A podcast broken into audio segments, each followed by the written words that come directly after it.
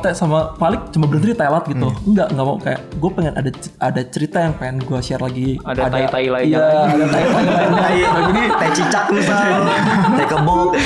Jadi ya Ote target atau kasih semuanya semuanya. kasih value aja. Interview apa ya teh? Oh dia dia cuma bilang kayak ehm, gua akan buktiin ke Lulik. Yo. Bukti, kayaknya lebih emosinya itu beneran bikin orang emosi. Emosi berpikir Ini maksudnya apa komik ini? Emosinya berpikir keras. Ini harus baca comment section dulu. 30 Days of Hai teman-teman semua, welcome back to 3 Days of Lunch. Hari ini gue excited banget karena akan ngobrol dengan seorang seniman yang ditemani dengan seorang pebisnis. Waduh. Karena biasanya kata seniman itu sering dekat dengan kata struggling. Oh iya? Struggling artist. Oh iya, benar benar benar benar. Tapi hari ini kita akan coba ngebahas bagaimana caranya bisa keluar dari situ. Kalau bisa semakin jauh kata struggling dengan kata artis gitu ya. Dan ini udah sudah dibuktikan dari suksesnya Tai, Tai Lalat. Bayangin loh. Sebuah brand yang kata depannya tai. Tapi sukses. Tapi sukses, Gimana? gitu. Jadi nama tuh nggak masalah ya Nggak berarti ya. masalah, nggak masalah. So teman-teman semua kita akan belajar banyak banget soal IP mungkin, Benar. soal um, apa namanya burnout as an artist, Yes. gimana caranya bisa uh, stay creative. Kita mulai aja langsung. Boleh. Di Let's sini welcome. kita ada Palik Halo halo halo. sebagai kreatornya ini di awal dari Tai Lalats. Iya, benar, Dan benar. ada Ote yang sekarang adalah CEO-nya Tai Lalats. Benar Salam ya? kenal, betul betul. Wah, oke oke oke. Thank you ya udah datang ke 3 Days of Lunch. Kita Thank you, thank you. uh, minta digambarin nanti karakter. Bisa bisa bisa Jadinya bisa. NFT one on one. Wow. Waduh, waduh, waduh. Belum, belum, belum. iPad lagi. Kita um, santai dulu. Siap. Jadi Iya, kalau iya. misalnya um, Tai Lalats tuh udah mulai dari 2014. 2014. Mungkin boleh cerita versi compactnya dulu dari 2014 sampai sekarang gimana? Oke. Oke. Dari kecil suka bikin gambar-gambar, eh, nonton kartun gitu. Sambil nonton kartun coret-coret juga gitu kan. Cuma ya eh, saya kan besarnya di daerah ya di Sulawesi Selatan. So ya kehidupannya eh, warga-warganya yang reference pop culture sama di dunia kreatif itu kurang lah gitu. Oke. Nggak ada yang tertarik lah sama itu. Jadi cukup-cukup eh, apa ya? Menembus tembok lah kalau boleh dibilang saya itu kalau dari daerah bisa berpikir untuk eh, atau bercita-cita bekerja di dunia kreatif lah. Ini paling ngepop di selatan berarti ya. Sulawesi Selatan. Iya, iya, paling ngepop nih. Sulawesi Selatan dan dan ya itu pun muncul karena eh, kayaknya sering nonton kartun gitu, sering nonton kartun dan dan ketika nonton kartun eh, digambar di kertas itu ada ada rasa kepuasan tersendiri lah gitu kan lihat hasilnya terus dibawa ke sekolah, dilatih ke teman-teman gitu mereka eh, terhibur dengan apa yang saya gambar. Nah itu udah ada muncul tuh rasa-rasa senengnya ketika ngelihat orang eh, bahagialah dengan apa yang saya buat gitu. So sampai singkat cerita eh, sampai kuliah lah gitu. Iya. Kuliahnya ngambilnya teknik sipil gitu. Oh itu di masih Sulsel. Masih di Sulsel itu Oke, kuliah oke. teknik sipil dan ya eh, selama itu gambar masih menjadi hobi saya itu. Tapi gambarnya jembatan gitu. Nah, di teknik sipil tuh justru nggak ada gambar-gambaran Oh, di teknik sipil gambar-gambar ternyata ya? gitu. Oh, Eh, banyak ngitung ya tenis banyak ngitung kalau teknik sipil gitu ada gambar tapi ya sebenarnya semester awal tapi nggak Iya. seterusnya beda sama arsitek, Arsitek. dulu Iya, tuh iya. cita-citanya pengen jadi arsitek sih sebenarnya Oke, oke. cuma eh, adalah lama eh, ceritanya panjang sampai akhirnya saya disaranin masuk di teknik sipil ternyata beda banget nah eh, gara-gara apa ya menurut saya teknik sipil nggak cocok lah gitu sama apa sama sama jurusan saya ya udah eh, muncul lah gitu muncul kayak kegelisahan-kegelisahan kayak nanti kalau kerja nggak nggak ada rasa puas dengan apa yang eh, sesuai dengan eh, jurusan saya ini eh, gimana ya gitu. Nah udah muncul ya keinginan untuk ngembangin apa hobi-hobi saya lah gitu. Hobi-hobi saya digambar eh, hobi-hobi saya di dunia kreatif ya udah selama pas kuliah itu eh, mulai deh nyari-nyari referensi soal apa itu dunia ilustrasi dunia gambar eh, internet culture gitu-gitu itu saya pelajarin di Sulawesi gitu. Saya pelajarin di internet eh, ngunjungin beberapa forum kayak Kaskus, blogger-blogger. Itu kan zaman-zamannya blogger ya di tahun 2012 udah banyak banget. Saya pelajarin di situ masuk komunitas bikin blog pribadi. Nah pertama kalinya Telalats di situ tuh blog pribadi saya. Ya, Oh. 2012. 2012 itu Iya. jadi bikin blog pribadi langsung namanya tahilhalats.com. Iya, oke. Kenapa namanya tahilhalats.com sebenarnya simple sih kayak eh saya nyari nama yang yang paling yang paling mudah diingat eh, sama orang dan masih ada sangkut pautnya dengan diri saya sendiri gitu. Iya, Kebetulan iya. saya punya tahilalat nih, itu doang sih sebenarnya gitu. Eh, iya itu sebenarnya itu doang sih sebenarnya intinya nggak nggak nggak ada filosofi yang mendalam Iya, iya, iya, iya. dalam pembuatan namanya sebenarnya Iya, iya, ya sampai ya ternyata jadi brand kita ya sekarang gitu. Iya, tu- terus terus itu 2012. Itu 2012 bikin blog pribadi eh, isinya eh, ya udah komik-komik saya yang saya buat di di di kelas di Iya. ini jadi archive di situ gitu. Dan 2013 sampai 2014 Instagram eh, mulai naik pada iya, waktu iya, itu. iya, iya. Nah, jadi Tahilalats itu startnya dari 2014 mulai konsisten di Instagram. Eh, akhirnya saya dapat kerjaan juga di Jakarta. Ya udah eh, sembari berjalan, saya eh, apa kerjaan utama sembari Tahilalats masih jadi side job juga Itu gitu. bukan arsitek ya? Untung bukan menjadi eh, ya kerja kerjaan sampingan eh, iseng-iseng bikin komik sampai eh, mulai rame tuh Instagram sampai akhirnya ditanya sama webtoon mau nggak ngisi di sini? Itu pertama kalinya webtoon di Indonesia dan nyari tiga kontributor salah satunya Tahilalats gitu. Sempat bingung tuh eh, nanya ke webtoonnya eh emang komik-komik kayak gini diterima di webtoon? Soalnya yang saya lihat ya gambar-gambar cantik manga Oh, dan iya, iya, keren-keren kan Iya, gitu. Ini iya, kan iya. tidak sesuai dengan kata mereka it's okay kok. Emang nggak nggak masalah gitu. Ya udah mau mau gitu untuk join di sana. Ya udah kayaknya itu juga salah satu momentum eh Tahilalaats pembacanya lebih luas tuh gara-gara eh, jadi salah satu eh, kontributor lah di aplikasi mereka Halo guys, sebelum masuk ke podcast, dengerin dulu nih. Mungkin pesan ini bermanfaat buat kalian. Buat kalian para entrepreneur brand lokal, entah itu brand fashion, beauty, elektronik, F&B, atau home and living yang lagi cari funding dan partner buat growing bisnis kalian, Gue punya kabar baik buat kalian semua. lo bisa jodohin brand lo ke Open Lab, sebuah brand agregator terbesar di Asia Tenggara punya dana 1,4 triliun yang siap diinvest ke brand lo. Selain funding, Open Labs juga punya tim expert yang siap support bisnis lo secara penuh, mulai dari digital, marketing, logistik, finance, hingga bisnis strategi. Seksi banget kan? Kunjungi openlabs.id dan daftarin brand lo sekarang.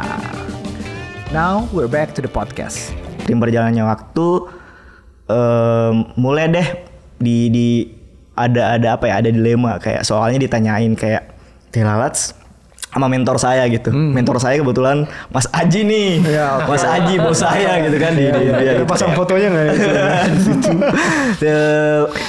Tanya Lik eh, kamu mau stay di eh, komik eh, independen atau masuk di industri? Oke. ditanyain seperti itu gitu. Eh, kebetulan waktu itu saya emang agak-agak dialis ya kayak eh, semuanya harus saya gitu. Ide-idenya eh, masih masih ideal kalau misalnya saya mikirin bla bla bla gitu dan saya kalau misalnya kerjaan orang lain ada pikiran kayak emang dia bisa gitu gambar Iya, kayak iya, saya gitu. Hmm. Eh, emang ada orang yang mau gambar seperti ini gitu bla bla bla. Iya ditanyain seperti itu kan mau milih di di di indie atau Industri. masuk di industri. Sempet dilema lah beberapa minggu untuk mikirin itu gitu. Nah setelah saya pikir-pikir selama masa dilema itu gitu em, orang-orang yang saya kagumin orang-orang sa- orang-orang yang influence saya sampai akhirnya berpikir untuk terjun di dunia kreatif adalah orang-orang yang ternyata udah terjun di industri kayak Hayao Miyazaki, kayak eh, George Lucas, Star Wars eh, dan kreator-kreator yang saya nonton di Cartoon Network dan Nickelodeon waktu kecil ya adalah orang-orang yang bekerja Industri. di industri, Industri. ternyata gitu bukan orang-orang yang bekerja di independen dan eh, semacamnya gitu dan iya juga ya mau sampai kapan saya bikin gambar terus gitu sampai kapan ya gitu Eh, masa saya eh, misalnya nanti berkeluarga semua orang pada jalan ke sini saya masih gambar komik misal gitu kan. So akhirnya em, iya juga ya kayaknya untuk mengembangkan apa yang saya buat ini biar nggak stuck di sisi itu aja emang sudah eh, bagusnya masuk di ranah industri waktu itu. Udah deh start- sejak saat itu eh Telalat start pelan-pelan menuju ke arah sana sampai pelan-pelan ngerekrut tim satu persatu ilustrator. eh, ya emang ada ada rasa-rasa agak susah sih buat buat itu awal-awalnya gitu. Soalnya kayak takut itu aja tadi ada ketakutan Iya, lah untuk artis untuk kayak ah bisa nggak sih dia gambar kayak gitu gitu sesuai standar yang udah saya buat selama beberapa tahun Iya, itu iya. dan ternyata eh, emang ada sedikit perbedaan tapi setelah dilihat gitu secara langsung ngelihat respon netizen dengan apa dengan dengan orang yang baru eh mengilustrasikan ide-ide saya ternyata nggak masalah loh gitu ternyata nggak nggak se, se semenakutkan itulah gitu intinya I see. So ya, ya udah pelan-pelan ada ilustrator eh, sampai akhirnya masuk nih eh, OT Iya, di Teh Lalat gitu ya. Udah saya saya ketemu sama OT pertama kalinya sebelum masuk udah kenal lah pokoknya sebelum sebelum akhirnya dia di eh, Main Blonde Studio sendiri. Dan ya ketemu sama OT eh, udah udah se apa ya? Ya OT juga pas banget di kita karena dia punya punya eh, apa ya? Background. visi yang sama, backgroundnya juga walaupun dia di bisnis tapi reference pop culture-nya lebih dari saya lah gitu. Oh, so, gitu. Iya, iya. uh, gue juga Kelihatan sih dari topinya. gue, banyak belajar dari dia banget tuh. dan wah pas banget nih masuk di Memblon Studio gitu dan sejak saat itu ya uh, Ote bawa banyak beberapa brand dan mengkolaborasikan Telarats dengan beberapa brand juga uh, sekarang udah sustainable lah uh, Telarats kayak gitu sih sebenarnya. Interesting ya. Yes. Mungkin gua gua ketariknya gitu dulu yang bagian sebagai seniman tuh nggak bisa langsung ngelepas. Ngelepas, gitu iya, ya. betul. Tapi kan bener juga sih kayak yang bikin Doraemon gitu, Fujiko eh Fujio gitu. Pada akhirnya bukan dia yang gambar doang kan, akhirnya betul. punya tim yang memahami gaya dia gambar dan akhirnya bahkan ceritanya bisa dikarang bareng-bareng lagi sama yang lain gitu. Jadi sekarang punya tim cuman gede dong buat ini. Sekarang sih kita ada ada eh, 15-an orang gitu. Eh, di kreat- di ya web 2 ada lagi web 3. Web two, web two, web two. Web ada three. web 3 juga. Web 3 ada sekitar 15 orang orang juga. Wow. So ya eh, kalau saya berdua eh, lebih banyak di web 2 walaupun kita ngerjain web 3 juga. Hmm. So ya sekarang sih kreatif ada sekitar 12 orang lah gitu. Itu di web tuh. Di, di web tuh iya untuk kreatif kalau di eh, bisnisnya ada tiga orang lah untuk handle itu gitu sih. Dan web 3 ada totalnya jadi berapa? Web 3 kalau di total ya 30-an lah. 30-an lah ya. Wow, wow, wow. Um, Teh, waktu baru awal gabung, um, apa yang dipikirannya untuk bisa ngebawa Telelet ini tuh, ini ternyata bisa sebesar apa gitu dari awal udah tahu. Eh, sebenarnya tuh gue dulu salah satu fansnya Palik nih. Eh, Oke. Oh, gue jadi baik. gue datang ke kantor Invia, kayak gue Oke. tuh dulu dari startup kan, Ah, ah. salah satu marketplace gitu, awal-awal banget. Kayak- Terus gue juga dulu kan deket sama Aji ngobrol, terus kayak Aji gue ini Tela tuh under lu ya gitu ya. Gue mau ketemu dong, akhirnya gue ketemuin. Nah semenjak itu tuh gue mulai nemuin Palik kan, emang gue tuh seneng banget kayak kenalin orang satu ke orang yang lain tuh. Iya. Fashion gue, salah satu fashion gue. Sampai akhirnya kayak eh, dia jadi salah satu eh, pembicara di Bukatok waktu itu. Eh, Mas Felix juga jadi salah satu di Bukatok waktu itu kan. Eh, eh, dari situ sering ngobrol sampai akhirnya eh, Aji nanya kayak teh mau nggak di Invia gitu. Terus pikir-pikir juga kan eh, akhirnya mau join gitu ya. And then ditransisin ke Thai Lalat. Terus eh, di situ kan emang dulu kan yang penikmat ya, bukan yang emang bisa mikirin bisnis plannya seperti apa. Terus gua perlu waktu seminggu gitu ya buat gua bikin bisnis plan gue sendiri gitu. Kayak Telat ini sendiri tuh apa sih benang merahnya, apa sih yang dijagain sama Palik, apa sih yang dijagain sama eh, message-nya tuh apa gitu Telat. Sampai akhirnya gue ketemu, oh Telat itu satu emotion kalau menurut gua kayak yang yang nggak tau ya mungkin eh, orang lain beda rasanya tapi kenapa salah satunya kita masih terus keep up dan growth gitu ya karena eh, kita tuh ngasih emotion di komik kita kayak gue kita tuh pengen ngewakilin kayak eh, ini gue banget gitu in every story yang kita publish gitu Tapi gue mau cut dulu di situ deh. Kayaknya lebih emosinya itu beneran bikin orang emosi. Emosi berpikir. Ini maksudnya apa komik ini? Emosinya berpikir keras nih. Ini harus baca comment section dulu. jadi eh, apa namanya emang emosi terbagi dua ya. Emosi yang pengen mukul palik sama emosi yang kayak bener kayak eh, ya ini komik emang Gue banget ya. Nah, Ngewakilin gitu. terus eh, dari situ gitu ya gue eh, coba connecting nih. Gue punya teman gue punya ya kolega dan sebagainya kayak eh, ngajakin ngobrol nanya teh lalat terus di sini gue juga mencoba nggak posisiin gue tuh nggak yang kayak cuma jualan as a spot gitu. Tapi Ah. eh, di awal-awal kan yang menjual kita cuma spot ya Lik ya gue di sini coba menjadi kayak eh, problem solver dari brand ini sendiri gitu. Kayak eh, lu lagi apa sih di brand lu yang lu susah gitu? Lagi ini ini, ini. oh eh bisa nih telat masuk. Jadi gue mencoba menjadikan Tela tuh as a problem solver di brand. Nggak nggak kayak yang cuma oke placement and bye bye gitu. Nggak pernah. Jadi semua brand maupun itu yang baru kenal pas gue di Telat maupun udah lama sampai sekarang tuh masih jadi temen masih jadi Ngobrol nongkrong lunch bareng dan lain sebagainya tuker-tukeran ide. Ya karena emang gue selalu memposisikan gue dan brand gue itu problem solver gitu Problem solver. Kata kunci problem solver dan lunch bareng. langsung bareng gue setuju gue setuju gue juga dengerin podcastnya bapak-bapak kan Eh, dibacain juga tuh yang di YouTube kan Iya, suka iya, iya. banget. kayak eh, eh, jadi ya bener karena emang eh, pas makan siang beberapa kon beberapa collab ya itu terjadi pas makan siang gitu kadang gue yang suka maksa kadang mereka yang maksa gue jadi kayak ayo kita harus makan siang gue gue ada ini nih harus gue obrolin ke lo gitu jadi itu tuh selalu terjadi di hal-hal yang seperti Iya. itu gitu. Jadi, see. kolaborasi yang dimaksud tuh banyak dengan brand udah jelas Yes. dan juga tapi yang menarik mungkin yang dua ya yang kita jadi spotlight ya salah satunya adalah Coldplay Yes. band favorit kita semua Semua mungkin gitu sekarang ya. di sini Sama dan yang- dan yang terbaru lagi Upcoming, ya. upcoming yaitu sama si Shinchan. Crayon Shinchan Kalau nyanyi tuh bakal kena copyrightnya sih. Ah, nggak apa-apa nyanyi aja sulingnya gue udah bawa suling sih kita juga sengaja kita goyangnya itu kan juga sempat jadi pertanyaan kan gue sempat diskus sama IM, IMMG juga gitu Iya. ya dan karena di kita tuh license dealsnya itu sama yang komik which is Iya. sama Futabasa itu tuh kayak ini harus ke IMMG tapi IMMG juga bingung bayar royalty sama siapa Hmm. karena nggak ada artis yang nyanyi in retailer in retailernya ya Oh. itu tuh Stella Dara yang nyanyi itu dulu Oh, Stella Dara. yang nyanyi FYI ya itu Stella Iya, Dara yang nyanyi tapi dulu tuh eh, sanggar nyokapnya gitu dan nyaris Oh. rata-rata kayak mungkin Saladara tuh juga nyanyiin Pimen mungkin ya dan Oh, iya. Mujako gitu mungkin ya. Jadi banyak itu kayak langsung serudukan eh, ini tolong nyanyiin versi bahasa Indonesia ya gitu. Jadi bingung juga sampai akhirnya eh, apa namanya eh, boleh dipakai untuk di campaign kita kali ini gitu. Tapi panjang ceritanya ya dari yang su- uh, hobi gambar, suka gambar dari dari panjang banget dari SD SMP mungkin ya. Sampai sekarang yang akhirnya kolaborasinya sama band kelas dunia Coldplay. sama Coldplay.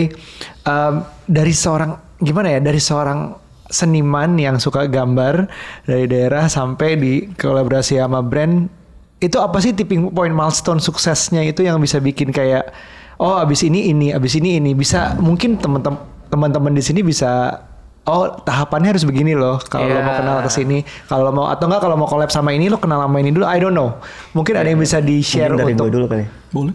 Oke sebagai seniman ya Eh apa ya? Nge-DM Coldplay?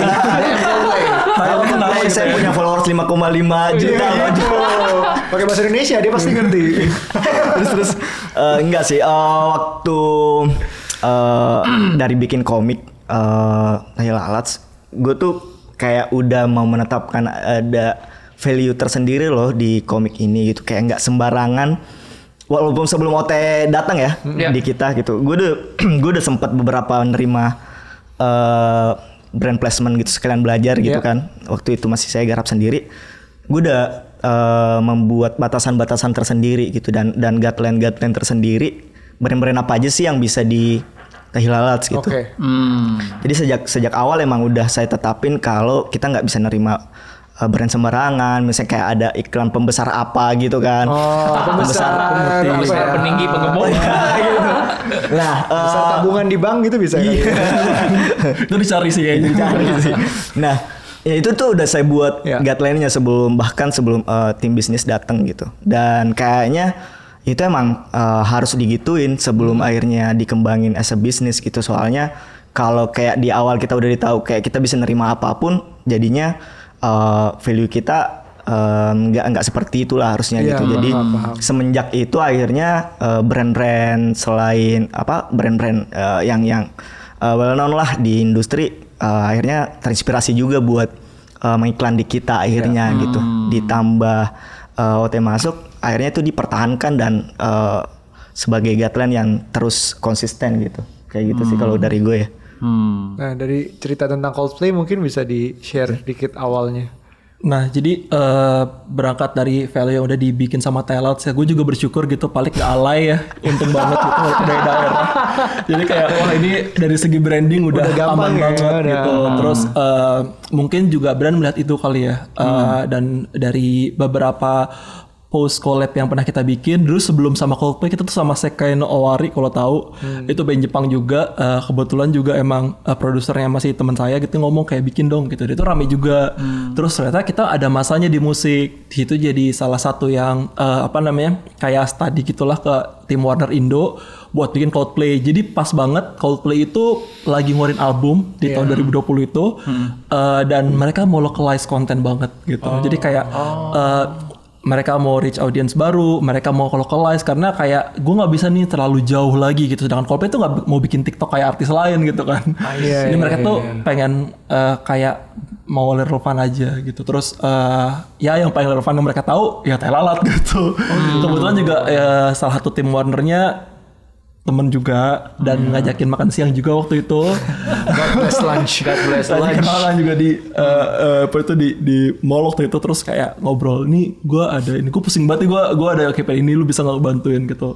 I see. Eh, itu juga kebutuhannya termasuk yang lumayan cepat ya jadi eh, kayak eh, rata-rata tuh di kita tuh ekspres semua mintanya kan jadi kayak teh ini segala macam terus kayak oh Express tuh kayak sebulan gitu. Ekspres tuh seminggu ya sebulan gitu ya kira-kira sebulan untuk kita ngasih idenya I see. gue nanya juga kayak uh, fleksibel, fleksibel, fleksibel apa gitu. Uh, dikasih tahu sampai akhirnya kita bikin ya gr- grand plan gitu. Di grand plannya di approve sampai akhirnya bisa launching. Gitu. Sampai akhirnya BTS juga bisa kita uh, bikin bareng juga kan. Pas banget sama Coldplay juga di albumnya yang sekarang. I see. Oh, jadi problem solving yang tadi OT bilang tuh kayak gitu tuh. Betul. Jadi Nanya dulu dia KPI-nya iya. apa. selalu kalau ada apa-apa tuh kayak teh gue mau ngobrol makan siang sama lu kayak itu udah pasti kayak ada sesuatu yang pengen dibawa terus kayak Hmm. bantuin ini gitu. Itu udah Iya, kayak terus kayak eh tambahan lagi sih kayak gue tuh selalu connecting the dot ya. Gue seneng banget kayak ngonekin gitu kayak ini tuh ke sini bisa nggak ya? Kayak ini paling salah satu korban mungkin ya juga korban gue lagi yang selalu gue tanya kayak "Lik, ini ke sini tuh bisa nggak sih? Kayak Hmm. ini Iya, pasti ada ri- ada relate-nya gitu kan kalau misalnya kita ke sini yang baik itu yang normal maupun yang benar-benar beyond gitu. Hmm. Tapi, tapi gue suka sih. Maksudnya um, selama ini ini juga goes to content creator atau influencer Iya, iya. mungkin ya kalau misalnya lo punya value sendiri ya lo nggak bisa asal semuanya Lo ditelen iyain. juga nggak bisa istilahnya ya mungkin nggak bisa serakah kali ya. ya iya. itu sambil itu sambil menentukan eh gue ini loh misalnya ada yang tech ada yang ada yang fashion ada yang apa tapi kalau semuanya di itu kan juga orang lihatnya juga ini orang maunya apa sih gitu Iya, loh, iya. banyak kasarnya. banget soal restricted cita ya Restrictionnya banyak gitu. Jadi itu bisa diambil juga untuk influencer atau content creator yang ada. Terus plus lunch bener. Gue gue tuh gue tuh suka banget emang ngobrol sama brand ya udah on occasional basis lunch or coffee sih sekarang ya. Yeah. Karena lunch tuh cuma berarti cuma makan siang doang dong. Kita pengen ketemu di waktu lain juga bisa. Nah itu Yeah. coffee biasanya. And getting sebagai problem solver gue suka banget. Dan ini bener deh berlaku di kalian yang mungkin juga mau coba jadi content creator bukan cuman seniman gitu. Iya, iya. Lanjut berikutnya mungkin nih kalau upcomingnya sama Shinchan yang baru di announce nih. Nah, Sinchan juga datang ke kita as a problem juga sebenarnya dia punya problem ya. Problemnya Sinchan itu Celananya kegedean, lorong ya, gitu kegedean kan. Suka nari ribu-ribu Rizemon gitu. Eh, Problemnya tuh satu Sinchan tuh udah eh, tidak disiarkan lagi semenjak tahun 2003 Iya. ke 2005 ya karena terhalang KPI. Mereka mau comeback ke kita gimana caranya gitu.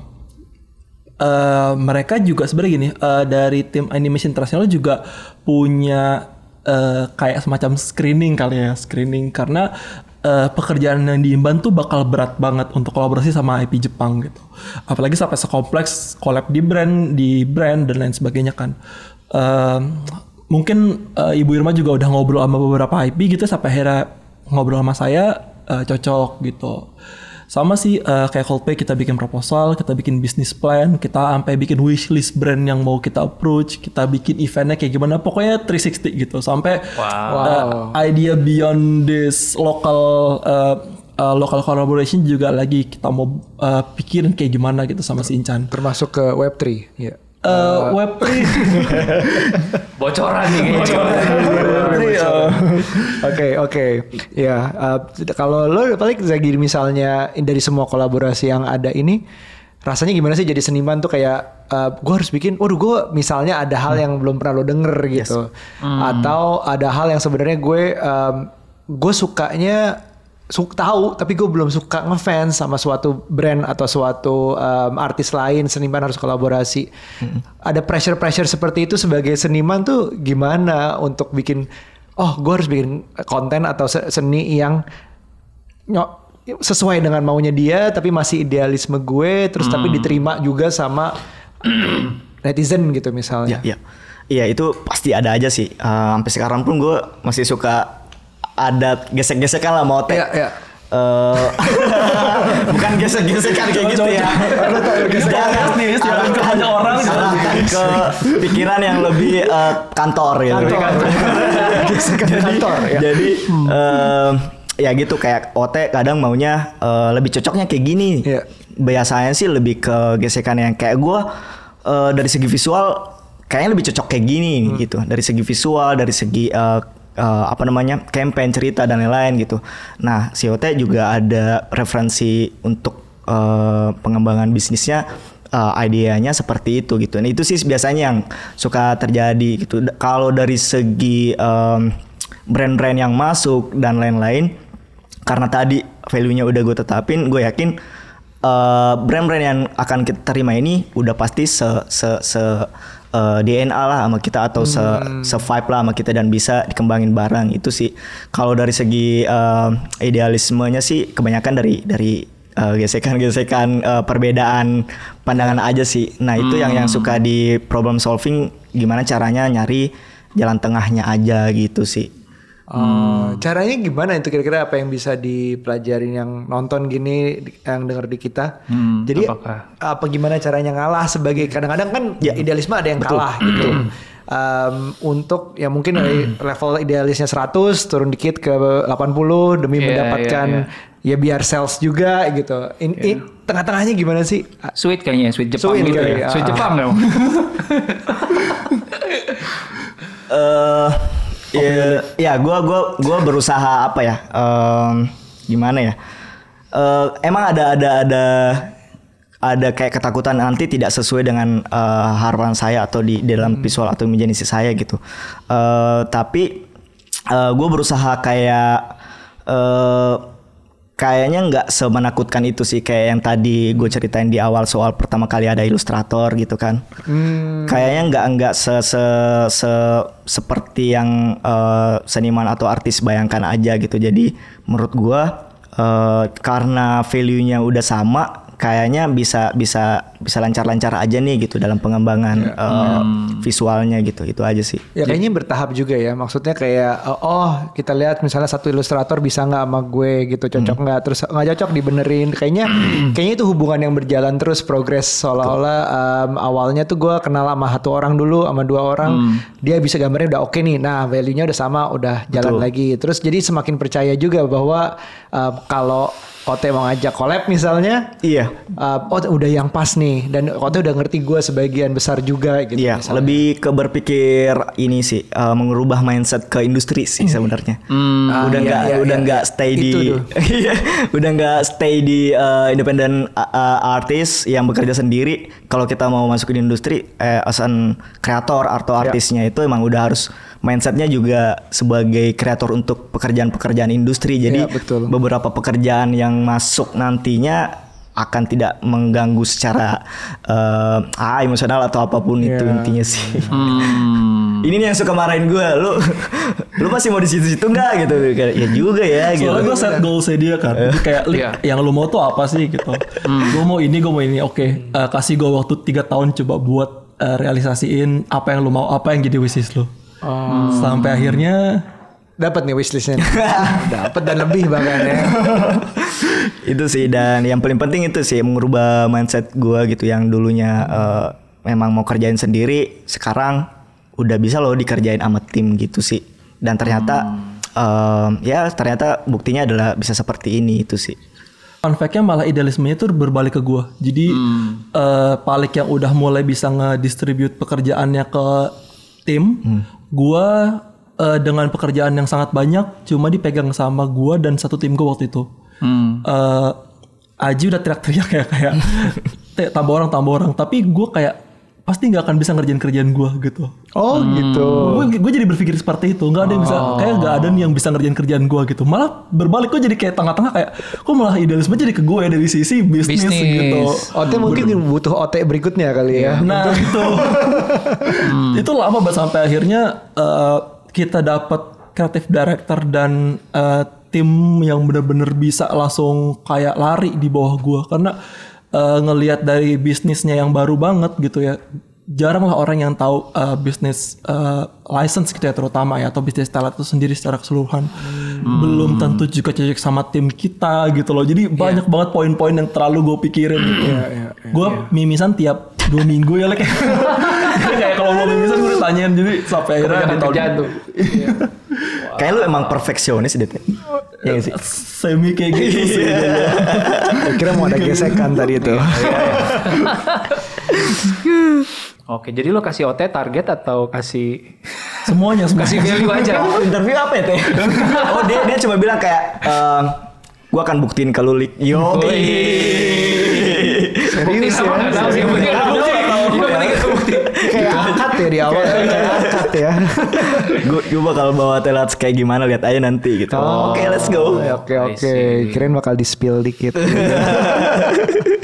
Ya soalnya bicara soal si idealisme tadi sama apalagi seniman sama bisnis tuh menurut gua nggak gampang ya. Gua gue suka banget John Mayer. Dan hampir semua interview dia gue tonton gitu. Di salah satu interviewnya gue lupa di mana, dia bilang dia juga ngalamin momen yang sama. Di mana waktu dia mau rilis album yang kalau nggak salah yang mana yang ada lagu Daughters deh pokoknya. Di situ dia bilang, gue nggak suka nih mainin lagu sebenarnya. Oh iya iya. iya. Ya jadi biasa kan kalau penyanyi gitu kan dia bikin lagu banyak, terus di approve dulu nih sama labelnya nih, mana yang dia rasa cocok dan punya potensi masuk radio bisa beken lah gitu. Nah akhirnya si labelnya bilang kita suka banget nih lagu Daughters judulnya dan eh, menurut kita ini paling potensi untuk bisa bikin lu sukses karena lu nggak bisa ideal banget nih bikin lagunya ala John Mayer terus lu harus bikin agak ngepop nih gitu. Terus dia nggak mau gitu. Gua I would do anything supaya lagu ini nggak masuk di album gua gitu. Em, ya udah akhirnya mereka ketemu tengahnya adalah gini deh. Lu kan ada 12 lagu. Kita balik. 11 lagu yang lain terserah lu. Kita nggak jadi milih yang lain. Kita cuma milih satu. Daughters doang. And guess what? Lagu itu akhirnya masuk dan John Mayer menang Grammy Award gara-gara lagu Daughters. Itu lagu terbaiknya dia. Yang tadinya gue. dia nggak mau gitu. Jadi menurut gua emang kadang-kadang harus collab antara si seniman sama yang ngelihat bisnis dan ngelihat market gitu.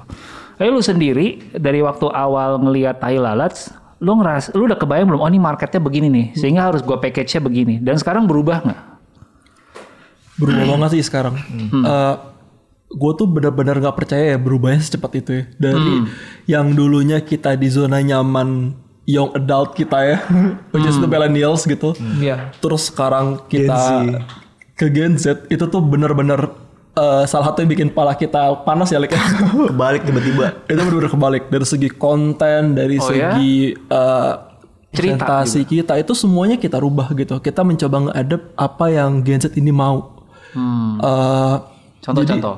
Tapi nggak ada Gen Z kan di sini. Tapi kan ada Gen Z, nah makanya baru terlalu tuh pas tahun-tahun ini ya setelah kita coba memberanikan diri untuk eh, nge-hiring Gen Z, nge-hiring eksternal buat coba ngasih masukan-masukan di konten kita. Dan itu eh, eh, menjadi berhasil banget gitu. Eh, Mungkin kan eh, kita dan eh, generasi kita pasti adalah kayak enggak garis ini terbaik dengan dengan apa namanya dengan presentasi seperti ini akan selalu menjadi yang terbaik gitu. Iya, iya. ternyata tidak. Ternyata tidak. Dan untungnya gue sama Palik enggak sangat eh, ini enggak enggak sangat berantem sih untuk kita enggak sangat debat buat itu jadi kita langsung menyadari kayak oke Lik, kita shifting ke sini gitu. Hmm. Banget. Jadi ya untungnya Palik udah sering ngobrol juga gitu dan eh, kalau sama Palik gue bawanya data juga sih. Jadi Hmm. kayak nggak yang cuma Lik ini bagus gitu, tapi kayak Lik gue udah lihat ini segala macam by data juga kasih. Iya, Jadi iya, dari dia tinggal decide aja gitu. Hmm, konten Gen Z itu kayak gimana? Dari dia. Kan lu, lu sekarang harus mulai paham kan? Iya kan? apa ya eh, mereka tuh suka apa yang edgy edgy gitu loh yang, yang Iya, suka keluhan estetik kayak gitu gitu. keluhan-keluhan dunia mereka gitu kan terus eh, hal-hal yang relatable sama kehidupan kehidupan gitu Em, Tapi milenial sorry gue pikir gini, kita kan juga suka yang yang relate sama kita kan semua orang pada dasarnya bukan pengen kayak di rangkul di ya. relate kan Untungnya itu cross sampai Gen Z sampai untungnya masih masih ada Sampai gitu aja masih ada, Tapi masih ada dan dan kadang juga mereka dari segi visual yang kita nggak ngerti kadang mas pernah lihat memes kayak ini maksudnya apa sih gitu Hmm. No context in. no Iya, iya, konteks iya. Ha, ha. tiba-tiba gambar mem, mem- meng-stretch aja mereka ketawa itu sih yang yang kita tuh bagi kita tuh ini apa sih sebenarnya Iya, eh, lucunya gitu tapi kita berusaha berusaha untuk memahami itu dan Hmm. menerapkan itu dan kita eh, beberapa konten sempat eksperimental untuk itu dan berhasil dan oh, ya juga ya ternyata Hmm. mereka suka banget yang kayak gini gitu. Eh, pokoknya tuh intinya dia lebih seneng yang eh, apa ya ini nggak belum tentu benar juga ya, tapi eh, no konteks terus kayak eh, gambar blur nge-stretch dan lain-lain tuh sangat-sangat dia ba- mereka banget gitu. Dan dan sebenarnya kita pelan-pelan menikmatinya juga ya kayak pelan-pelan akhirnya mulai mengerti gitu oh ternyata di sini gitu. Ya gue masih suka uh, lihat trailers yang cukup sebenarnya joke cukup dark sih beberapa beberapa trailers tapi kayak masih aman semua di di kolom komennya tuh kayak oh gini nggak apa-apa ya oke gue coba memahami Gen Z kan kayak gue pikir ini bakal di eh dia SJW-in gitu Ah, kayak lo- kayak Thailand tuh bisa berdiri di garis yang masih aman tapi pinggir banget gitu. Iya. Kalau ditaruh ini di akun yang lain mungkin akan jeblos ke situ terus diserang seluruhnya. Paham gak sih? Paham, Jadi, paham, jadi, Thailand tuh masih bisa berhasil di situ. Oke, gue juga mau teh menyadari hal itu ya. Kayak sebenarnya konten-konten yang kita buat walaupun itu dark dan agak-agak eh, sensitif sebelum di finishing itu su- semuanya udah melewati Dites. tahap iya udah melewati tahap kurasi juga sih. Jadi menurut kita eh, ini sensitif tapi eh, masih aman soalnya kita udah melewati banyak ribuan komik yang dilalui jadi kayak kita bisa belajar wah ini pasti parah nih kalau dia di- Iya, iya, dilanjutin iya, iya. ini parah tapi diupload pasti masih aman gitu. Iya, iya, iya. Gua Paling biasanya satu dua orang yang ke trigger menurut kita itu nggak masalah kecuali 50% Iya. parah nih di harus di untungnya belum ada sampai sekarang ada. untungnya Iya, masih iya, ada iya, dan itu dan dia. dan karena itu tadi kita udah udah tahu audiens kita eh, konten-konten apa yang cocok bagi mereka Benar. Iya. so kurasi konten pun akhirnya eh, lebih gampang sih Iya, iya, iya. Iya. Tapi mau nambahin juga untuk yang Gen Z ya. Ini tapi se uh, sotonya gue aja. Oke, Iya, boleh. iya, iya. Tahu-tahu nanti kita diserang ya. Tahu Tahu soto lu generasi Kita kasih kutipan di polis gitu. Mote gitu. ini ini cuma pendapat pribadi dan uh, hasil research juga gitu. Iya, Kalau misalnya Thailand tuh yang kurang untuk nge uh, nge apa nge-guide Gen Z ini lebih human kalau gue bilangnya. Jadi, Lik, uh, kita tuh dari uh, kemarin selalu menganggap kita tuh kayak pabrik gitu. Robot. Thailand tuh kayak robot, kayak pabrik. Kita nggak nunjukin siapa kita. Oh, Sama iya, Shinchan itu gue sampai tipes loh gitu, nyaris tipes loh gitu. Tapi kita nggak nggak eh, nggak nggak apa nggak show itu ke mereka. Mereka tahu cuma kayak proses jadinya ada Shinchan Telalat gitu. Tapi kalau misalnya gue liat konten creator lain terutama di TikTok ya. eh the way they show gitu ya perjuangan mereka, mereka bikin konten susah loh ini segala macam itu menjadi apresiasi bagi Iya. Gen Z gitu. Jadi kayak benar, oh, benar. eh, akhirnya itu jadi salah satu brief kita di sosial sosial media juga sih kayak mencoba menhumankan Thailand Lebih hu- lebih humanis, Iya, lebih betul. ada orang di baliknya. Tapi tetap kartun gitu Tetap ya. kartun, tapi kayak Ah, biar ada tahu gitu ada ya. Iya, iya, iya. iya, iya. 3264 posting per hari ini. Wow. Enggak, itu di- baru di Instagram loh ya. Iya. Gue nggak heran sih kalau akan ada momen yang berasa kayak pabrik gitu. Hmm. Senimannya dulu nih pengen gue ulik. 3264. Banyak juga. ya. Tiga ribu itu komik semua tuh. komik semua gitu ya. Terus eh, Kalau buku. intinya sih omset berapa? Oh enggak. enggak. Berapa banyak yang iklan enggak. Enggak, enggak, enggak.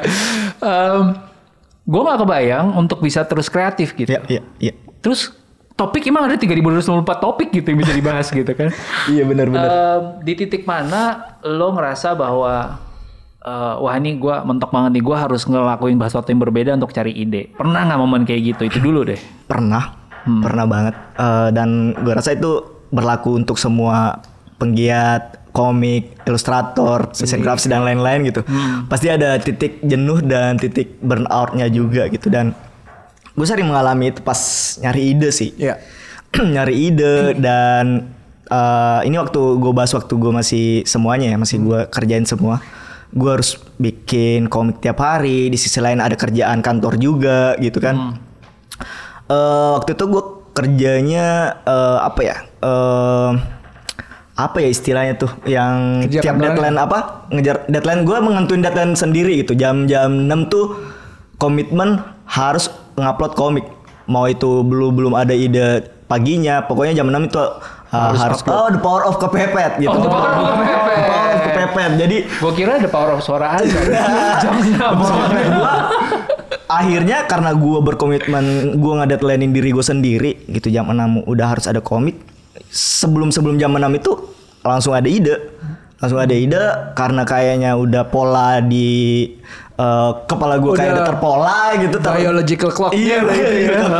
telah terformula akhirnya em, eh, ketika gue berpikir untuk apalagi ya hari ini eh, alhamdulillah ada aja gitu ide-ide yang masuk langsung gue eksekusi as a storyboard gue finishing sendiri gue upload gitu dan dan eh, mau burn out mau nggak ada ide gue harus maksain itu harus ada sisi ada satu hal yang di mana eh, memang kreativitas itu harus dipasangkan pada saat itu gitu. Nggak ada- biar biasa konsisten. Saat momen bener-bener burn out sehingga lo melakukan sesuatu yang radikal, ada dong sesuatu yang beda dari seharian lo atau lo meditasi kek atau tiba-tiba lo harus keliling Jakarta muter-muter atau gitu. Ada gak sih sesuatu yang beda kalau mentok gitu? Eh, biasanya sih gue simpel malah kalau mentok gitu. Gue tiduran Tiduran. Tadi ya ngobrol sama istri soal Rizky Biliar. Jadi inspirasi. gue gue eh, kan belum nikah waktu itu. Jadi kayak gue tidur bentar deh gitu. Biar biar ini pas bangun langsung seger tuh biasanya langsung. tidur beneran, bukan tidur beneran. Ah, tidur beneran gitu. Eh, biasanya kalau gue burnout eh, tinggal tidur dan akhirnya bisa fresh. Di situ biasa bisa munculin ide lagi gitu. Dan sebenarnya yang paling umum ini ya di WC sih paling umum banget tuh Bawa handphone? bawa handphone, Bawa handphone, itu iya. katanya memang ada penelitiannya ketika kita di WC tuh Ada bisa penunggunya WC-nya. Eh, bisa jadi nggak sih ini ya, bisikan gitu lo bikin komik ini gitu tapi emang ada penelitiannya emang emang ngebuka eh, apa ya otak beta apa bla bla bla bla Tapi gua di tahu. WC-nya itu ngapain gitu? Kan kalau di WC-nya lo main handphone dan ngeliatin yang gak jelas juga gak datang gitu inspirasinya. Nggak tahu ada aja sih Ada aja. Iya, ngeliat sosmed gitu kan Oh. tahu-tahu langsung catat gitu. Sorry ini WC-nya di mana biar kita tahu semuanya.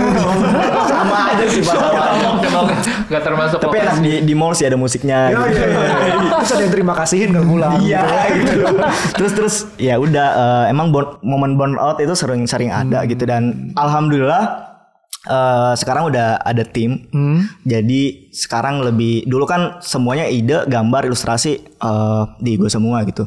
Dan karena ini dikerjain as a team sekarang sekarang sih 80% saya lebih ke cerita aja sama kadang sketching buat nunjukin ke anak-anak gitu kayak oh kayak gini.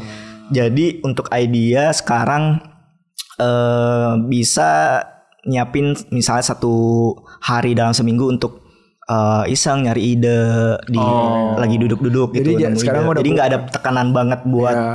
ngumpulin ide sih. Udah bukan per hari lagi sekarang kan Udah nggak- kayak eh, udah nggak- planning untuk berapa hari Benar-benar udah ada stok. Udah ada stok. Bang konten, bang Bang konten. konten Iya, untuk iya, iya. se- dua- sebulan dua bulan ke depan gitu. Iya. Jadi eh, lebih enak sih, lebih fresh. Jadi idenya lebih lebih nggak eh, keburu-buru kelihatannya. Iya. Jadi lebih output komiknya juga lebih bagus lagi Iya, sih, kayak gitu. Waktu bikin konten terus ke power of kepepet. Kan pasti ada aja ide yang ya kita dalam hati pasti tahu kan. Gue tahu nih ini bakal ngehit nih. Tapi Oke. ada juga yang kita ngerasa ah ya udahlah yang penting keluar dulu. Untuk itu gue berkomitmen ke diri sendiri jangan upload konten yang eh, biasa aja menurut lu. Jangan di jangan dilolosin kalau kayak gitu. Kalau menurut lu itu biasa aja jangan di diupload.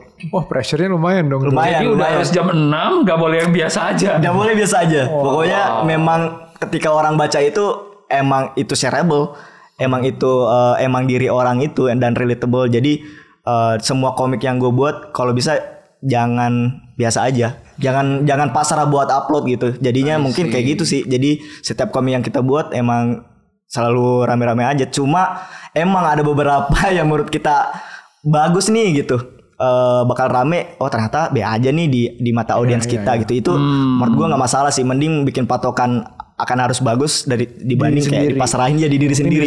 Iya kita tuh semua tim harus ngekurasi semua konten kita bagus dulu nih di di, di tim dulu gitu. Hmm, di tim Jangan bagus di audiens gitu minimal di di tim dulu udah bagus baru diupload kalau misalnya tim merasa ini ah biar aja nih ya udah jangan diupload gitu jangan jangan dilanjutin I see. Kayak gitu sih. Jadi standarnya adalah kalian sendiri harus puas dulu kita sama dulu ini. as a team harus puas dulu Oke, punya checklistnya nggak kayak tadi? Oh harus shareable, harus eh, relevan. Harus berapa puluh ribu likes. Iya. Kan kalau Oh, so, itu buat brand. Itu buat brand KPI. apa ya gua gua kan gua ngobrol sama Aji kan, dan beberapa kali juga ini nama-nama Aji ini semoga dia nggak lagi bersin-bersin di rumah. ya muncul terus siapa Aji ini? Ya. Dia tuh selalu punya formula kan disebut dragon, Cia, kalau dia nyebutnya ya. Tapi lo sendiri punya nggak kayak gitu? Kayak standarnya lo gitu. Untuk lo puas. apa ya gue jarang mendeskripsikannya dengan dalam bentuk data sih kayak apa ya lebih ke Di dalam diri. emosional aja gitu ya. Pokoknya lo lo lo bisa ngerasain gitu, lebih Iya. kerasa daripada checklist. bener-bener kayak beda ya dari segi eh, kita misalnya nonton misalnya eh, misalnya acara apa ya stand up atau membaca komik menurut gue itu sesuatu yang berbeda ya dua kom- eh, jenis komedi yang berbeda soalnya kalau misalnya kita nonton langsung itu kita bisa harus eh, penonton harus langsung mengerti apa yang dimaksud sedangkan eh, dari segi visual orang masih bisa dikasih kesempatan untuk berpikir Pikir keras kesel banget. Iya kalau gue dikasih joke kayak gitu terus gue gak ketawa agak-agak gengsi sih. Gue itu gue gak ngerti. Enggak gue ngerti. Bentar bentar. Baca kolom komen. Oh ini. iya jadi eh, visual tuh lebih lebih enak sih kalau boleh dibilang ya. soalnya kita masih ngasih kesempatan orang untuk berpikir tapi uniknya kita bisa lebih dari verbal gitu. Soalnya visual. banyak banyak banyak eh, hal yang bisa kita terobos gitu dari dari dari segi visual gitu da- eh, dibandingkan dengan sesuatu yang in real life gitu kan. So ya ya sebenarnya kalau soal eh, membuat orang berpikir ya di kolom komentar itu sebenarnya juga bukan sesuatu yang disengaja ya. Itu itu itu sebenarnya udah dinamika yang jadi culture-nya di Thailand sendiri gitu. Hmm. Gua nggak tahu kenapa sebenarnya kita tuh harapannya adalah ketika orang membaca komik kita ada eh, dia bisa relate dan mengerti apa yang kita maksud gitu kan. Tapi dinamikanya yang terjadi banyak nih yang baru baca komen baru ngerti gitu dan menurut Iya banyak sih yang nanya kayak gitu lu sengaja gak sih gitu Enggak itu emang emang natural aja sih dan dan ya nggak masalah sih menurut gua Ini gitu gak apa-apa memang. Berarti level of joke-nya Palik nih. Iya. nih. So, Makanya masih aman terus karena banyak yang suka protes nggak ngerti emang mau protes. Pernah ada bahkan ada yang eh, interview gue ya, maksudnya ngobrol-ngobrol biasa aja gitu. Dia nanya why mulu ke gue gitu. Kenapa sih lu bikin telelats? Ya buat eh, hibur orang aja di internet gitu. Kenapa lu mau hibur orang gitu? Sampai akhirnya di titik apa ya gitu. Sampai dia ngasih gue kesimpulan sebenarnya tuh kayak lu emang berusaha membuat eh, refleksi ke orang-orang gitu. Jadi dari selama ini eh gua ngelihat eh gua membuat komik dari eh gua ngegambarin eh, kehidupan orang di dunia nyata gitu. Jadi ibaratnya ketika lu baca komik itu sebenarnya lu lagi lagi ngeliatin cermin. Hmm. Itu seben- ini agak filosofis sih. ya. Jadi sebenarnya tuh lu lagi ngeliatin cermin gitu. Itu lu gitu. Lu ketawa, lu marah, lu sedih, ya lu ngeliatin diri lu sendiri sebenarnya gitu. Ya itu adalah kehidupan kita gitu sih. Jadi Ya. kalau filosofisnya gitu ya. Terus gue jadi sekarang ingat salah satu apa komiknya Tai Lalat yang terakhir gue inget adalah itu malah A- yang calon an- an- an- apa calon menantu datang buat bapaknya dimarahin kamu digalakin sama bapaknya terus yang minta maaf malah ibunya. Kok gue jadi ingetnya gitu? Tapi gak berarti refleksikan ke gue dong. Iya iya iya Itu itu berkali-kali Eh gimana? Gue bacanya tuh kayak harus Eh gimana? Ntar dulu ntar dulu Ini bapaknya ini istrinya. Itu levelnya udah beda joke menurut gue sih Which is good. Nah gue sekarang eh, Mungkin terakhir dari gue. Ini kan dari gambar sendiri di sebagai hobi, gambar sendiri diajakin untuk menjadi industri, sampai sekarang punya tim yang gambarin, lo di level sekarang ya eh, ngasih story-nya, terus checking segala macam. Sedikit spill mungkin, what's next sih? Apakah um, semuanya story-nya dilepaskan nanti ke tim, ada bagian tim kreatif sendiri, ada bagian merchandise atau apa pun itu bisnisnya di mana sih kita ngelihat the next Walt Disney atau the next siapa gitu Stanley atau gimana apakah nextnya Tahi Lalat atau Palik tuh gimana Oke. sih? Eh, sebenarnya untuk kayak eh, membagi beberapa divisi tim dan lain-lain itu eh, sebenarnya udah dimulai pelan-pelan dan step by step sih. Kalau menurut gue sekarang ya gue ngelihatnya Eh, dari yang sekarang gue masih nulis cerita gitu, bisa aja ke depannya eh, gue tinggal melihat karya-karya orang dari apa yang gue buat pertama kali gitu. Bisa jadi kayak misalnya George Lucas, terus em, Iya paling dekat itu sih referensi gue kayak eh, udah dibuat berbagai eh apa spin off spin off dari Star Warsnya sendiri dan masih relate dan masih dinikmati orang-orang. Menurut gue eh Tai Lalat Universe. Lalat Universe. Kita sih nyebutnya mind blown universe ya. Iya, iya, Bisa sampai kayak gitu sih. Kayak eh, walaupun gue udah nggak ngomik, walaupun gue udah misalnya tua atau Mimi udah nggak di dunia lagi misal meninggal kayak ya ini masih bisa berlanjut sih harusnya ya masih bisa dikembangin sama beberapa orang-orang kreatif lagi gitu sih Oh, jadi siap untuk suatu saat melepaskan semuanya. ya? betul banget kayak eh apa ya gue berusaha membuat apa yang lu buat pertama kali tuh jangan jadiin misalnya kayak anak lah gitu kayak kayak itu tuh akan lebih bagus ketika dipikirin oleh banyak kepala gitu. Hidup sendiri, bisa bener banget iya. sendiri. soalnya eh, setelah gue kerja sama tim setiap orang punya ide dan dan pasti jenius semuanya orang punya ide unik dan lain-lain. Nah ketika semua pikiran-pikiran itu di tim digabungin eh, dari pikiran-pikiran jenius tadi digabungin pasti bakal muncul ide yang lebih jenius lagi kan gitu so setuju em, ya work as a team emang penting banget sih kalau mau masuk di industri dan sebagai IP ya IP tetap harus berkembang lah ya nggak Iya. nggak nggak sampai kayak em, kalau misalnya gua nggak ada itu udah mati gitu harusnya terus berkembang sih terus Legacy ya. legacy iya That's good. let's go Oke. Keren banget jawabannya. Karena tadi kayaknya gue ngelihat dari tatapannya ada yang mau disampaikan. Soalnya udah nyebut IP. Iya. Dan IP itu menurut gue sebuah bisnis yang nggak banyak orang tahu. Iya. Kita tahu sebelum ngobrol tadi kita sama-sama look up tuh Pak Mokhtar gitu ya. Yang dia mewakili Disney dengan semua karyanya dia gitu. Dan terakhir kalau nggak salah juga dia ngegarap Persija ya. Iya, sampai sekarang. Em, nah cuman kan orang nggak tahu IP gitu. Ya orang taunya IP man. Wing Chun. nah, coba bisnis IP itu bagaimana gitu kayak lu bisa ngasih sedikit preview buat orang-orang untuk mereka gali lebih dalam dan dalam konteksnya nanti Tai Lalat eh sorry Mind Blown Universe itu gimana gitu.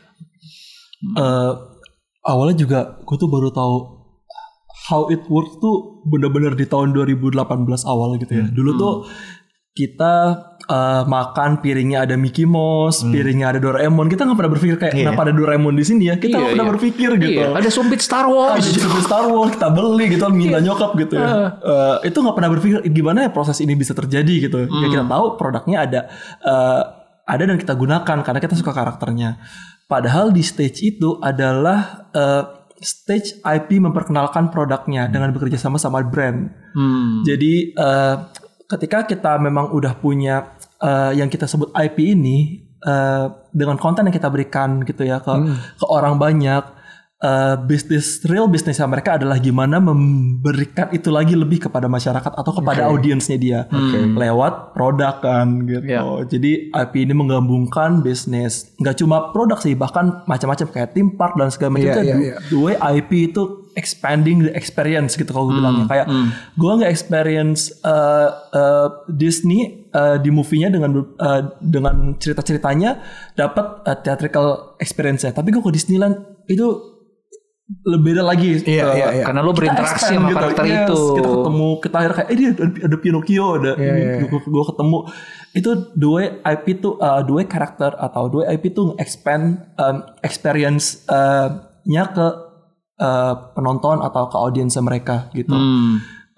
gue tuh nonton uh, Toys That Made Us di Netflix ya. Gue Iya, iya, iya, selalu iya, iya, bilangin iya, itu ke iya, paling iya, cilik iya, iya. dari Nostalgic semua yang banget. punya. Gue suka banget sama Sanrio gitu. Kayak Oh iya. Uh, iya, dari iya. dari segi visionnya mereka bagus banget gitu ya. Uh, small gift big smile eh small small gift big smile gitu. Oh. Terus uh, mereka ngebawa door to door. Mereka tuh nggak punya konten uh, kayak kita gitu nggak punya komik ya. Mereka cuma experience itu di produk. Tapi mereka bener-bener jor-jorin kita ke produk sampai orang tuh kayak uh, adaptasi gitu sama sama uh, karakternya dan nyari tahu gitu. Iya. Uh, ju- bisnis-bisnis yang udah dibuat sama master-masternya coba gue duplicate ke Palik kayak Lik ta- kita satu nggak cuma berhenti di Thailand aja kita punya banyak kepala untuk expand mind blown studio gitu. Jadi dari 2000 uh, itu ya 2018 setelah gue uh, berpikir lagi untuk ngerombak bisnis plan kita jangan bawa Thailand sebenarnya. Kita bawa mind blown studio mulai sekarang. Karena kita nggak berhenti di Thailand gitu. I see. gue gak mau kayak Ote sama Palik cuma berhenti di Thailand gitu. Enggak nggak mau kayak gue pengen ada ada cerita yang pengen gue share lagi. Ada tai-tai lainnya iya, lagi. ada tai-tai lainnya. Tai, jadi tai cicak misal, tai kebok. jadi ya cara gitu sih buat ya eh, apa namanya eh, ngasih tau juga kayak eh, experience-nya nanti di eh, apa namanya di Mind Blown Studio nggak cuma telat doang nih tapi Iya, kayak iya, ada iya. movie-nya ada seriesnya ada lain-lainnya lah yang emang emang kita lagi mau garap. Cara Dan lebih works ya bahasanya. Mind blown tuh pronunciation-nya di luar tuh lebih gitu ya. Kalau apalagi di testing saat uh, Web3 mungkin Iya. ya. Kalau high lolots itu mungkin susah.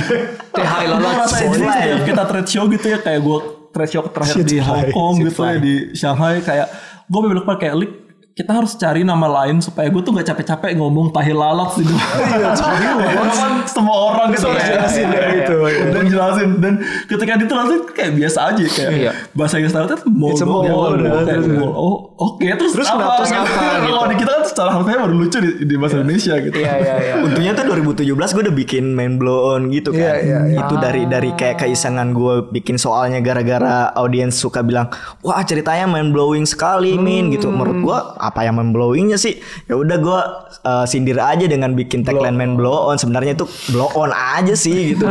Tapi jadi lebih ke main blow bukan lebih ke main blowing tapi lebih ke main blow on gitu. Blow on gitu. Dan lo jelasinnya ke ya, keluar bisa lebih enak ya. Blow on bisa dijelasin Tapi ya. dan akhirnya eh, 2018 2019 bisa lebih relate sih. Iya, iya, iya. Tapi ini yang harus dipelajari uh, kita semua sih, termasuk gue bahwa uh, nggak stop di satu brand IP itu kan, it's a whole package juga, experience, bukan cuma satu karakter atau satu logo atau Iya. satu foto atau satu seni gitu. Jadi ya the whole experience, it's iya.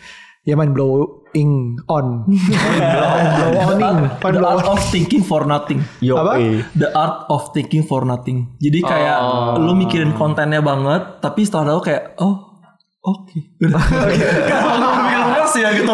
berpikir keras ya untuk nggak ada apa-apa sebenarnya Karena keras tapi nggak mencoba menunjukkan teori-teori macam-macam gitu. Wah, ngefans banget gue. Keren banget, keren. Thank you banget, thank you banget dari gue. Aman, Rup. Suka Eh, banget gue. Iya, gua gua sih dari awal udah tertarik banget ya waktu Aji kontak untuk ngobrol. So thank you banget Palik dan Ote hari ini you juga. menyediakan waktu dengan segala drama-drama. Sorry. Gak apa-apa, kita kita menunggu um, dan senang banget hari ini bisa ngobrol. Um, semoga ada kali kedua, kali ketiga kita bisa ngobrol lagi. Mungkin ini baru ngebahas web 2. Iya. Mungkin next bisa ngebahas Oh. web 3. The Dan whole universe. Iya, apa pun yang muncul dari Mind Blow on uh, Studio tadi, uh, buat gua sih personally ya, sebagai orang yang juga setengah kreator, setengah businessman, buat gue tuh untuk finding the balance tuh emang kadang-kadang harus mau mengalah si kreatornya.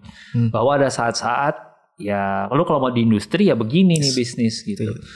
Em, tapi at the same time kalau di awal kita udah clarify ini yang gue mau, ini value gua, walaupun si bisnis itu berjalan sendiri, dia nggak akan jauh-jauh dari siapa kita gitu. Gue jadi nge-relate lagi ketika 2018 sih momennya mirip ya tahunnya. 2018 gue tuh switch dari food blogging 10 tahun, and then gue ngebahas konten self development dan konten finansial. Eh, di situ gue clarify banget bahwa value yang gue pengen kasih ke audience adalah ya gue pengen mereka nggak perlu ngelaluin kesulitan dan kebegoan gue selama 10 tahun sebelumnya waktu gue umur 20-an gitu. Dan gue jadi hati-hati banget karena ngomongin finance itu kan duitnya orang ya. Iya. Gitu. Ini gue belum pernah cerita di mana pun. Tapi menurut gue penting untuk kita clarify sebelum terjadinya kasus dengan B OO itu gue dikontak beberapa kali. Dan itu nilainya lumayan menurut gue kayak duit di depan mata yang sebenarnya kalau lu membantu promo nggak ada salahnya gitu, right? Tapi gue waktu itu ngeliat wah ini kok abu-abu ya buka websitenya nggak jelas gitu, terus kayak kenapa company-nya nggak ada representatifnya, nggak tahu ini udah proof mau cek apa enggak, dan sisi senimannya kan wah ini duit nih sayang. Jarang-jarang dapat opportunity ini. Tapi at the same eh sorry sisi bisnisnya kan gitu ya. Tapi sisi senimannya ya ya gue harus clear dan kalau gue terima itu mungkin gue hari ini nggak sama teman-teman ngobrol di sini. Mungkin gue pakai baju oranye.